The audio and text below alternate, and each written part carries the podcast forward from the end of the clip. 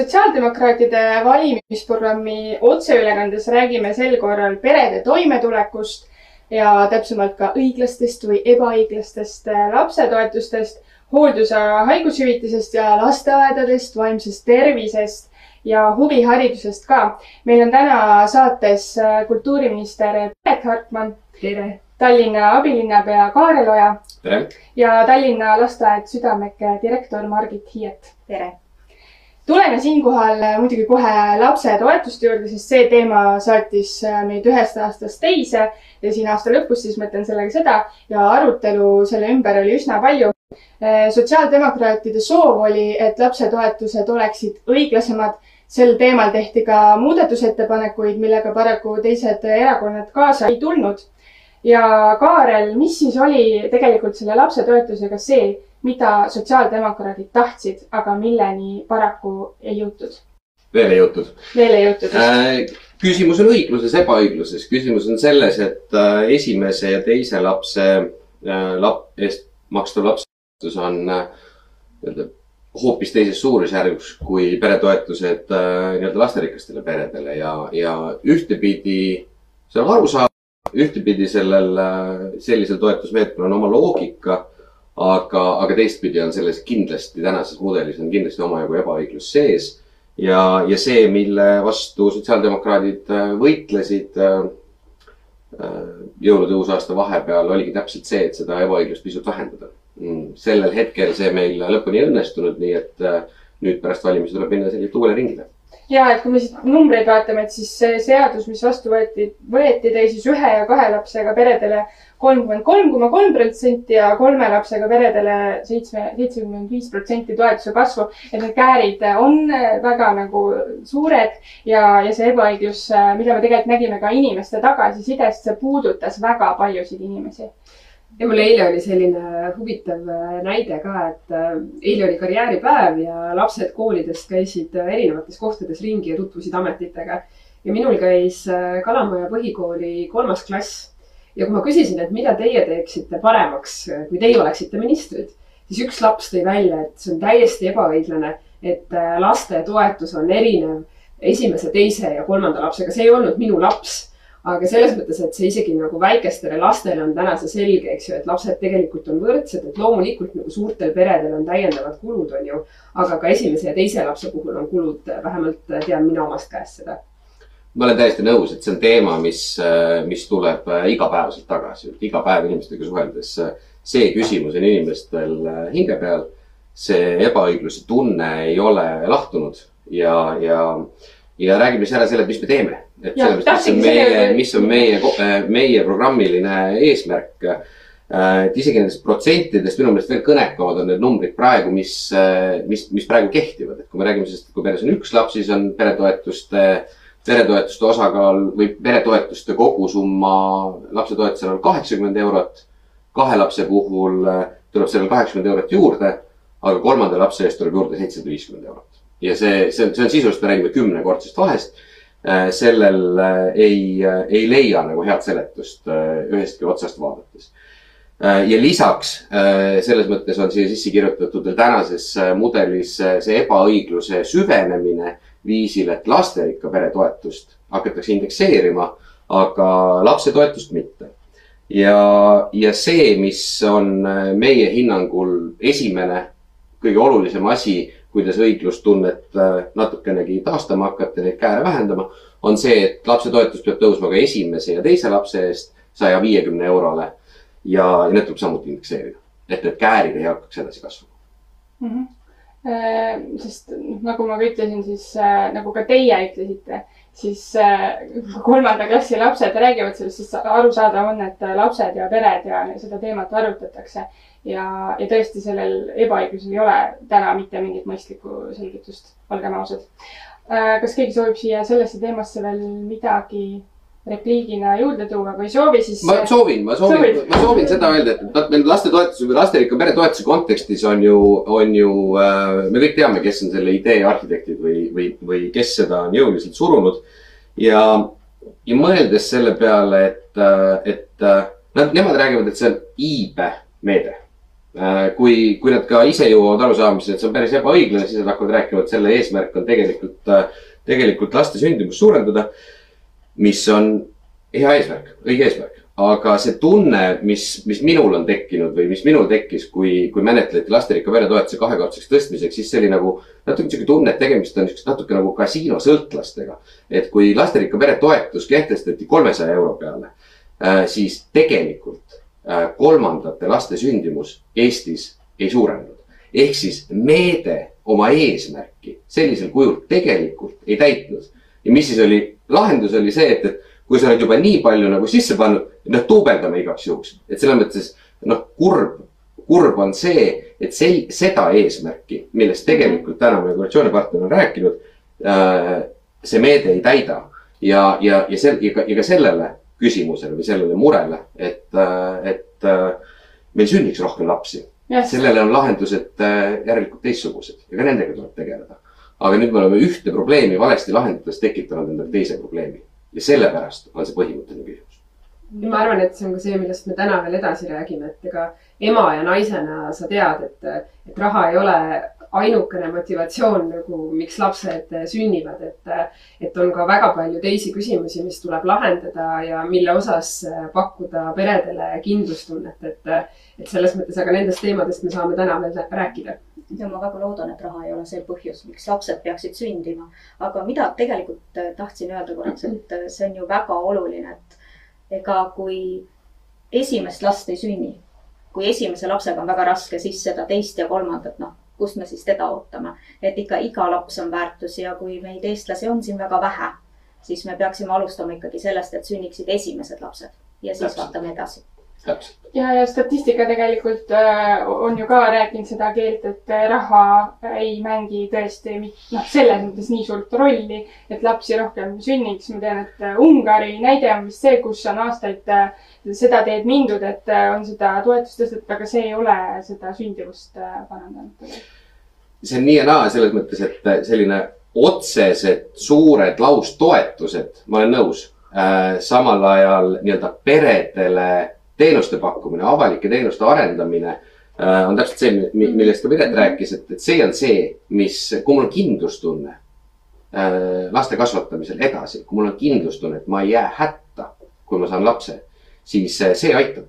et sellepärast, et see, see peretoetuste reform läks meile maksma selleks aastaks umbes suurusjärgus sada viiskümmend viis miljonit eurot, kui ma õigesti mäletan mm. -hmm. ja me tegime lihtsad arvutused, et mida selle raha eest oleks saanud teha selle raha eest oleks saanud teha ühe korraga ära äh, kõigepealt äh, tasuta lasteaiakoha. kõigile üle Eesti, ilma igasuguste kompromissideta, arvestades keskmist lasteaia kohatasu ja lasteaias käivate laste arvu. teiseks äh, oleksime me jõudnud äh, võtta äh, nii-öelda riigi kanda äh, kaks sooja söögikorda päevas kõigile Eesti koolilastele ja lisaks oleks jäänud suurusjärgus nelikümmend viis miljonit eurot alles, et äh, põhimõtteliselt tagada huvihariduse täpselt yeah., täpselt. ja, aga siis äh, lähemegi siit, ma arvan, edasi nende oluliste faktorite juurde, mis tegelikult, äh, mida, mille peale tähendab, mõtle, ütleb, mõtleb üks perekond siis, kui ta üldse last planeerib, raha on seal ainult üks faktor ja üks asi ongi lasteaed ja lasteaiakoht ja kuna Margit on äh, lasteaiadirektor, siis äh, Margit, äh, mis on sinu arvates perede toimetuleku ja lasteaia vaates siin hästi oluline lähiaastatel ära teha? no kust ma alustan et eks tegemist vajavat on palju, aga ma alustan kaugemalt. kõigepealt see, et Eestis on väga hea alusharidus ja selleks, et see alusharidus säiliks sellisena, peame me lahendama selle olukorra, kus meil ei ole õpetajaid ja, ja noh, päriselt, sest ilma hea õpetajata ei saa me anda head haridust.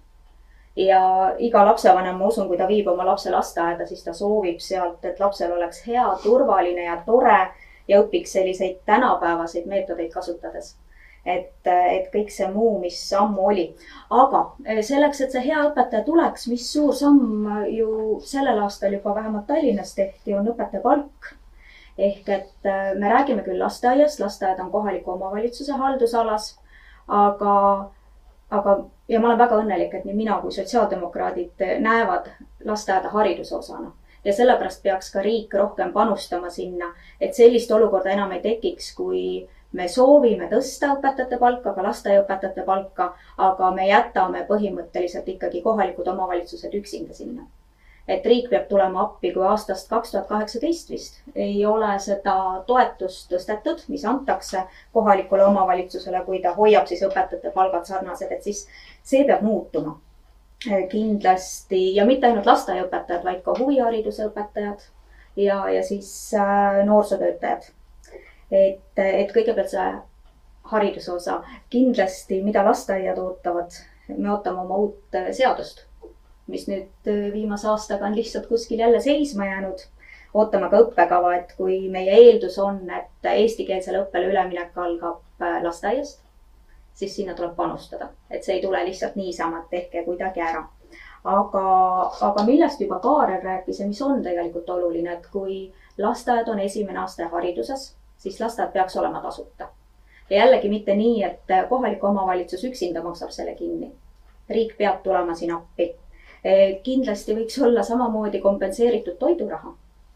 E, näide toon Tallinnast. Tallinnas on Tallinna elanikele kompenseeritud lasteaia toiduraha ja kui see, kui see ära tehti, tõusis ka kohal käimine ehk et võib-olla on see väike summa, aga, aga noh, et alati ei ole niimoodi, et ühesõnaga, perel peab olema valik. ja, ja see on väga hea, kui me juba, see on väga hea, et me koolitoitu toetame ja samamoodi võiks toetada ka lasteaiatoitu. ja, ja sama on ju lasteaiahooned.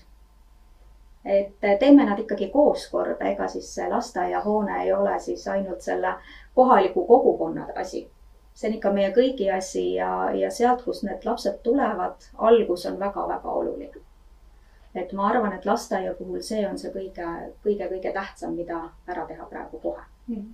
Need esimesed aastad on ju tõesti äh, lapse või inimese arengutöös olulised ja see, kust ta tuleb ja mis, mis keskkonnas, kui motiveeritud õpetajatega ja. koos ta aega veedab. ja muuseas, üks asi, mille veel ütlen vahele siia, on see, et äh, lasteaed on ka see, kus laps õpib selliseid üldoskusi nagu ka käitumisoskus.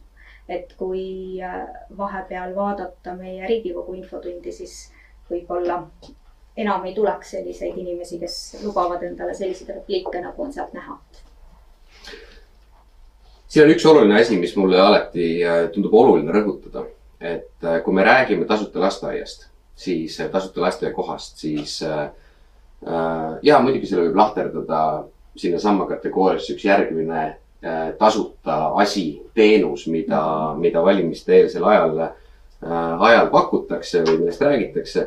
Aga sotsiaaldemokraatide jaoks on see olnud tegelikult äh, põhimõtteline küsimus hoopis teisest nurgast. seesama, meie oleme rääkinud seda aastaid, et lasteaed on haridustee esimene samm. see on osa haridusteest, see on alusharidus ja see peab olema tervikuna inimestele tasuta. Äh, esimesest lasteaiarühmast kõrghariduseni välja ja siin ei saa teha kompromisse ja siis tuleb ja, ja kui, kui me õpime niipidi mõtlema või kui me tegelikult saame sellest aru, mulle tundub, et see nihe on tegelikult aina rohkem nagu kohale jõudmas, et see, see, mida me, millest meie oleme rääkinud kaua aega, hakkab jõudma ka jõukogu arusaamine, et see ei ole lihtsalt nii-öelda täpselt ühe tasuta asja lubamine, vaid on tegelikult põhimõtteline otsus inimeste inimeste nagu toimetulekuks ja võrdsete võimaluste pakkumisel mm, -hmm. siis me jõuame täpselt sinna kohta ka, et riik saab aru, et haridust tervikuna tuleb rahastada ka alu, alushariduse osa samas kont-, samal viisil, samas kontekstis nagu põhiharidust ja sealt edasi kõrgharidust. ja, ja, ja tulevad täpselt need, et, et riik tuleb appi, et ma olen nõus kohaliku omavalitsuse juhina töötades, et see, see riigi panus alu, alusharidusse on äh, nagu noh, see need käärid nagu on kasvanud sellise tempoga ja, ja, ja täpselt, et me oleme Tallinnas sellega noh, ikka kõvasti nüüd viimase kahe aasta jooksul tööd teinud, et inimestel ei ole tõusnud lasteaia kohatasu. käesoleval aastal on see juba seitseteist eurot kuus, mis nii-öelda linn on enda peale võtnud. ta ei lase sellel tõusta, ta on lae ette pannud, toiduraha tõstnud ja, ja, ja, ja teinud kaasa selle Äh, selle lasteaiaõpetajate palgatõusu hüppe, mis tegelikult on jäetud tervikuna kohalikele omavalitsustele kanda. ma siia veel kiidaks vahele, et see on esimene kord üleüldse, kui äh, tõesti lasteaiaõpetajate palgad tõusevad samal päeval kui kooliõpetajate palgad ja samale tasemele. et see on nagu väga suur asi, mis on ära tehtud, et suurepärane ja ma väga tunnustan aga see on kindlasti kohalike omavalitsuste pingutuse vili. ja, ja igas kohalikus ei ole seda ka ja ma saan ka aru, kõigil ei oleks seda võimalust. Mhm. ja täpselt, siin on, siin on see, see, see keeruline nüanss, et selles mõttes ma olen nõus, Tallinn on rikas omavalitsus, mhm. Tallinn on selle võtnud prioriteediks. me seisame selle eest ja me oleme suunanud äh, lisaraha sellesse valdkonda kõvasti. ja selle juures ma äh, tajun väga seda, seda muret, et kõigil omavalitsustel ei ole see võimalik et selles mõttes Tallinnal on ka nagu hinge kinni võtnud eelarve vaatest nende otsuste tegemine, täiesti, täiesti siiralt.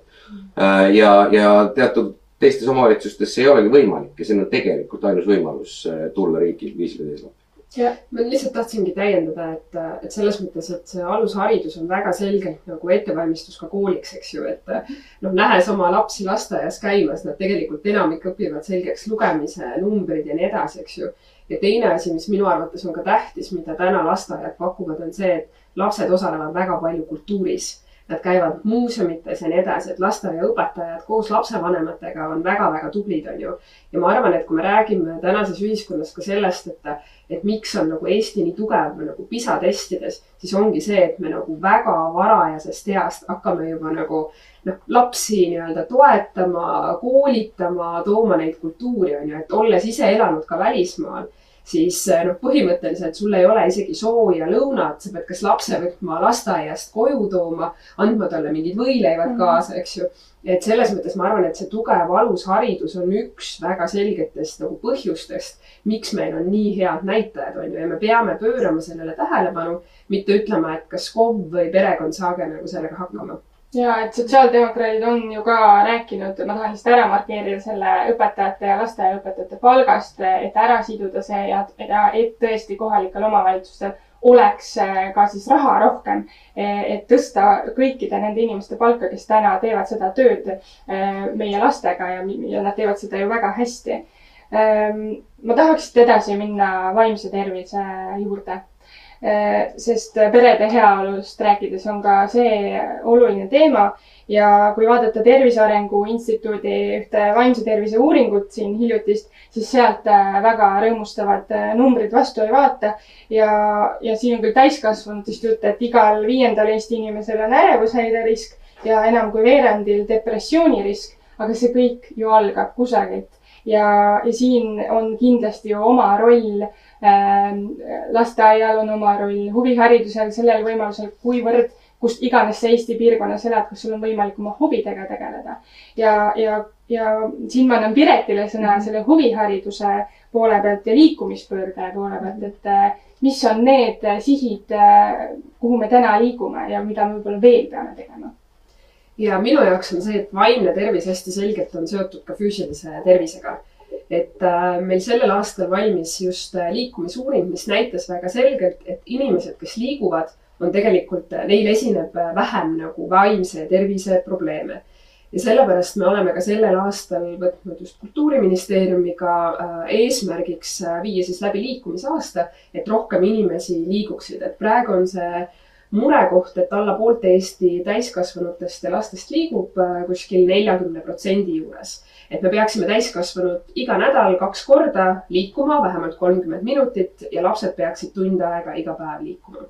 nüüd, mida on sotsiaaldemokraadid liikumise osas ära teinud, on kindlasti treenerite palk. meil on Eestis tuhat nelisada treenerit, kes tegelevad lastega. seal on pea nelikümmend tuhat last, kes siis äh, nende käe all äh, trenni ja sporti teevad. nii et ähm, treenerite palk on täna tuhat kuussada eurot, see on väga suur samm, mis on tegelikult meie eestvedamisel tehtud, aga peame jätkama, et, et noored inimesed oleks valmis ka olema treenerid. nüüd teine pool, mis puudutab huviharidust ja huvitegevust, ma räägiksin kahest poolest. kõigepealt on selline regulaarne huviharidus ja huvitegevus ja siis on selline äh, pisteline kultuuris osalemisega seotud äh, võib-olla siis selline täiendav haridus et kõigepealt, mis puudutab regulaarset huviharidust, äh, siis kui Indrek Saar oli kultuuriminister, siis me alustasime äh, huvitegevuse kontseptsiooniga, investeerisime kohalikesse omavalitsustesse viisteist miljonit. Äh, ja tänu sellele väga palju lapsi tuli huviharidusse juurde, huviharidus mitmekesistus täna on see probleem, et erinevate teiste valitsuste ajal on siin kärpeid tehtud ja me oleme jõudnud tõesti murekohani, kus huvihariduses olevad, olevad õpetajad saavad oluliselt vähem palka kui üldhariduskoolis. kuigi tegelikult mõlema töö on väga tähtis. et kindlasti sotsiaaldemokraatide jaoks on oluline see, et me äh, huvihariduses olevate õpetajate palgad samamoodi viime järgi üldhariduskoolis olevatele õpetajatele. teine pool on nüüd osalemine kultuuris et äh, taaskord äh, saan öelda seda, et eelmisel aastal rakendus kultuuriranits äh, ehk siis on pearahapõhine, iga koolilaps saab ja vastavalt siis võimalusele on võimalik käia kinos, teatris ja nii edasi. sellel aastal lisasime kultuuriranitsale juurde pool miljonit. taaskord sotsiaaldemokraatide ettepanek, et lastel oleks võimalik rohkem kultuurist osa saada sest täna on meil küll aktiivne kultuuripublik, aga mis saab tulevikus, kui lapsed kultuurist osa ei saa, siis nad ei õpi seda ka väärtustama aga loomulikult on meie ettepanek see, et kui praegu on see pearaha kuskil üheksa eurot, siis äh, kui kaugele sa selle üheksa euroga jõuad? et me oleme teinud ka oma valimisprogrammis ettepaneku, et see võiks olla sada viiskümmend eurot äh, ühe lapse kohta.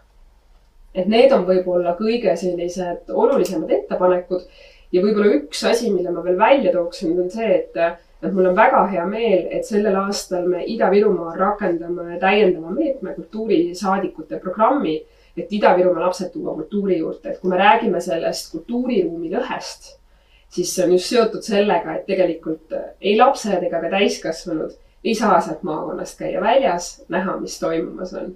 et see on ka, ma arvan, üks selline tugev sotsiaaldemokraatide nagu äh, ettepanek, äh, mis sellel aastal tõesti ellu rakendub, et selle maakonna, piirkonna lapsed saavad veel täiendavalt käia siis meie muuseumites, raamatukogudes ja nii edasi. Ja, ja nagu, kui me vaatame toimetuleku, perede toimetulekut, siis äh, see huviringide teema on ju ka väga oluline, sest täna äh, väga paljud lapsed käivad huviringis, mis ongi väga tore ja väga hea aga see summa, mis vanemad äh, lõpuks võib-olla mitme lapse peale kokku maksavad, on päris suur, et, et meie või noh, sotsiaaldemokraatide programmis on siin ju ka tegelikult see ühe tasuta huviringi võimaldamine siis lasteaialapsest gümnaasiumiõpilaseni, mis on ka oluline, kui me vaatame seda vaimse tervise poolt ka nagu kogu suures kontekstis.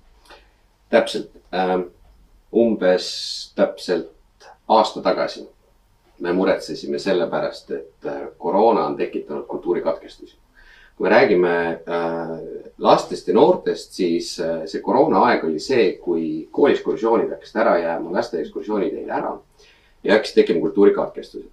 nüüd, kui me vaatame statistikat, äh, siis mm, noored lapsed, väga suur hulk nendest saavad tegelikult oma need kultuurikontaktid, jõu-, muuseumisse jõudmine, teatrisse jõudmine, kontserdile jõudmine tänu koolile, tänu lasteaiale ja, ja see on noh, see on paljuski, kui ma mõtlen ka lõpuks enda peale, et, et, et, et noh, et nii-öelda seda ise seda initsiatiivi, et lapsed, lähme täna muuseumisse. tegelikult see nagu, noh, see iga kord ei tule, et mul on väga hea meel, et lasteaiaga nad käivad, kooliga nad käivad ja see on, see kontaktide arv tuleb sealt. nüüd koroona ajal juhtus see, et need hakkasid ära kaduma ja, ja, ja tegelikult see nii-öelda taaskäivitus või see, või see harjumuse taastekitamine meie koolid ja lasteaiad on olnud siin väga tublid. Äh, ja, ja, ja tegelikult kultuuriinstitutsioonid on olnud väga tublid, et nii-öelda uuesti need kontaktid üles ehitada. aga paraku tuli jah, nüüd nagu järgmine laine peale, et küsimus ei ole enam mitte selles, et, et äh, huviharidus on muutunud kalliks, vaid reaalselt lapsed tulevad trennidest ja, ja huviringidest ära, sellepärast et äh, toimetulekuraskused on tänasel hetkel kasvanud nii suureks. ehk siis meil on nagu mitu tõsist äh,, tõsist teemat olnud, mis muuhulgas on kärpinud neid kultuurikontakte. Ja üldiselt kipub see olema niimoodi, et kui äh, väikses eas seda harjumust ei teki äh,, seda kogemust ei teki, siis seda on hiljem väga palju keerulisem juurde tekitada et see on sellepärast, et see on jälle, tegelikult see on põhimõtteline võitlus. see on, see on põhimõtteliselt oluline teema, et me täna hoiaksime vajadusel äh, arvestatavate summadega, rahadega need kontaktid alles.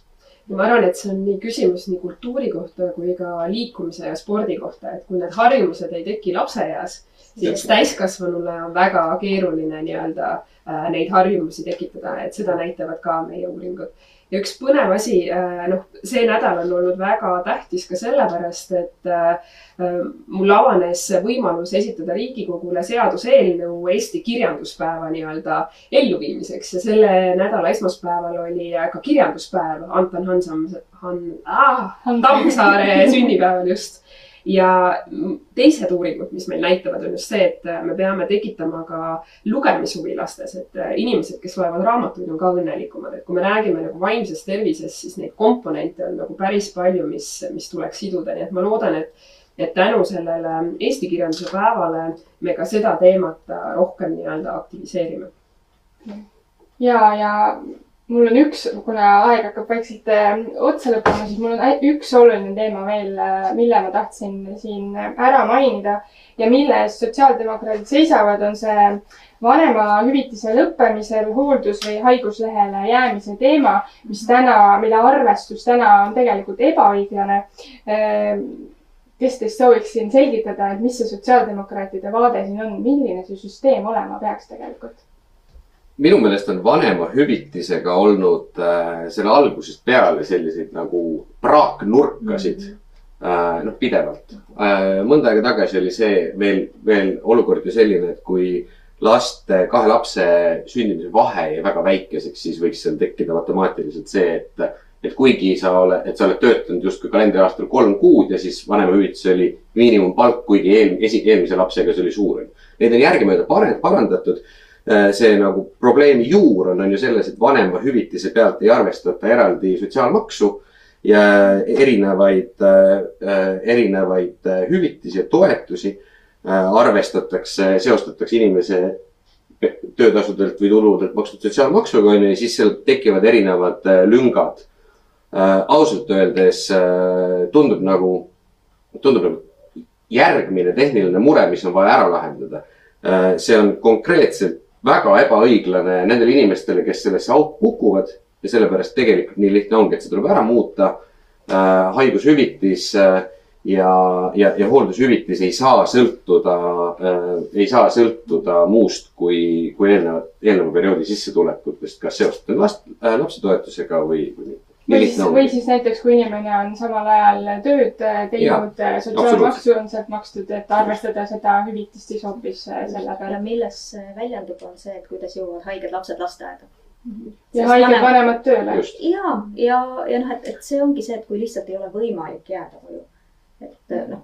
ma arvan, et siin on kindlasti ka oluline ära märkida seesama, et, et haigushüvitis ka teisest päevast, eks ju, et mm -hmm. kus tegelikult inimesed, tekkis see oht, et nad ei oleks saanud jääda koju, eks ju, mis koroona ajal rakendus, nii et ma arvan, et see on ka väga oluline samm mis lõpuks õnnestus läbi suruda, eks ju, et sa saad teisest päevast jääda juba koju, et kui sa oled haige, siis sa ei tekita tegelikult täiendavat kahju ka oma äh, teistele kolleegidele ja tööandjale, eks. ja see on ka teema, mida sotsiaaldemokraadist äh, minister äh, oma südameasjaks võttis ja, ja ilmselt tänu tema tööle see kehtestati ikkagi, jätkati selle süsteemiga. ja tänu sellele on ka lühenenud haiguslehtede siis periood ehk et, et haigusleht võetakse täpselt nii pikaks ajaks, kui on vaja terveks saada, et, et kui see teisest päevast on olnud hüvitatud, et, et see on väga, selles osas väga hea asi, mis on ära tehtud. kui keegi tahab veel viimase mingi repliigi öelda, siis nüüd on see viimane võimalus. ja mina tahan äh,, tahan küll äh,. rääkides perede toimetulekust siis me rääkisime täna siin äh, hariduse ja, ja, ja kultuurivaldkonna ja, ja sotsiaalvaldkonna toetustest, hüvitistest siis tegelikult on ju põhiküsimus perede toimetulekus on see, mis meil on siin selja taga. palgad peavad tõusma. me oleme erakordses äh, olukorras olnud, kus meil on olnud kahekümne protsendiline inflatsioon ja see on olukord, kus tuleb sekkuda. tegelikult perede toimetuleku tagab see, et inimesed saavad oma töö eest väärilist palka. ja sellepärast esimene samm ongi see, et me peame täna tegelema esi-, jõuliselt riigi poolt sekkuma miinimumpalga kiiresse tõusu, mis toob järele pensionide tõusu, mis toob järele teiste, äh, teiste palkade tõusu. ja see on see esimene sammas selleks, et perede toimetulek oleks tagatud. ja võib-olla ma isegi laiendaksin ka, et tegelikult nagu keskmes peab olema inimese väärtustamine, et me räägime kõikidest muudest asjadest ja siis lõpuks me jõuame selle inimeseni, on ju, et kui me tahame, et nagu lapsed sünniksid, siis on oluline, et me tunneksime ennast hästi ja kindlana siin riigis, mitte see, et räägime majandusest, julgeolekust ja kõigest muust ja siis jõuame selle inimeseni. ja kui sa jõudsid juba lasteni, siis mina tuletaks veel kord meelde, et kõigepealt peab sündima esimene laps. ja esimene laps on kõige tähtsam. ja, ja jõuame selleni välja, et äh, toimetulek on julgeolek ja, ja seda julgeolekut moodustavad väga-väga paljud äh, erinevad äh, aspektid. Mina tänan, saates olid äh, Piret Hartman, Kaarel Oja ja Margit Hiiet. mina olen Merilin Säde, me kohtume järgmisel nädalal jälle, siis me räägime eakatest ja hoolekandereformist. Ja soovin teile kena päeva jätku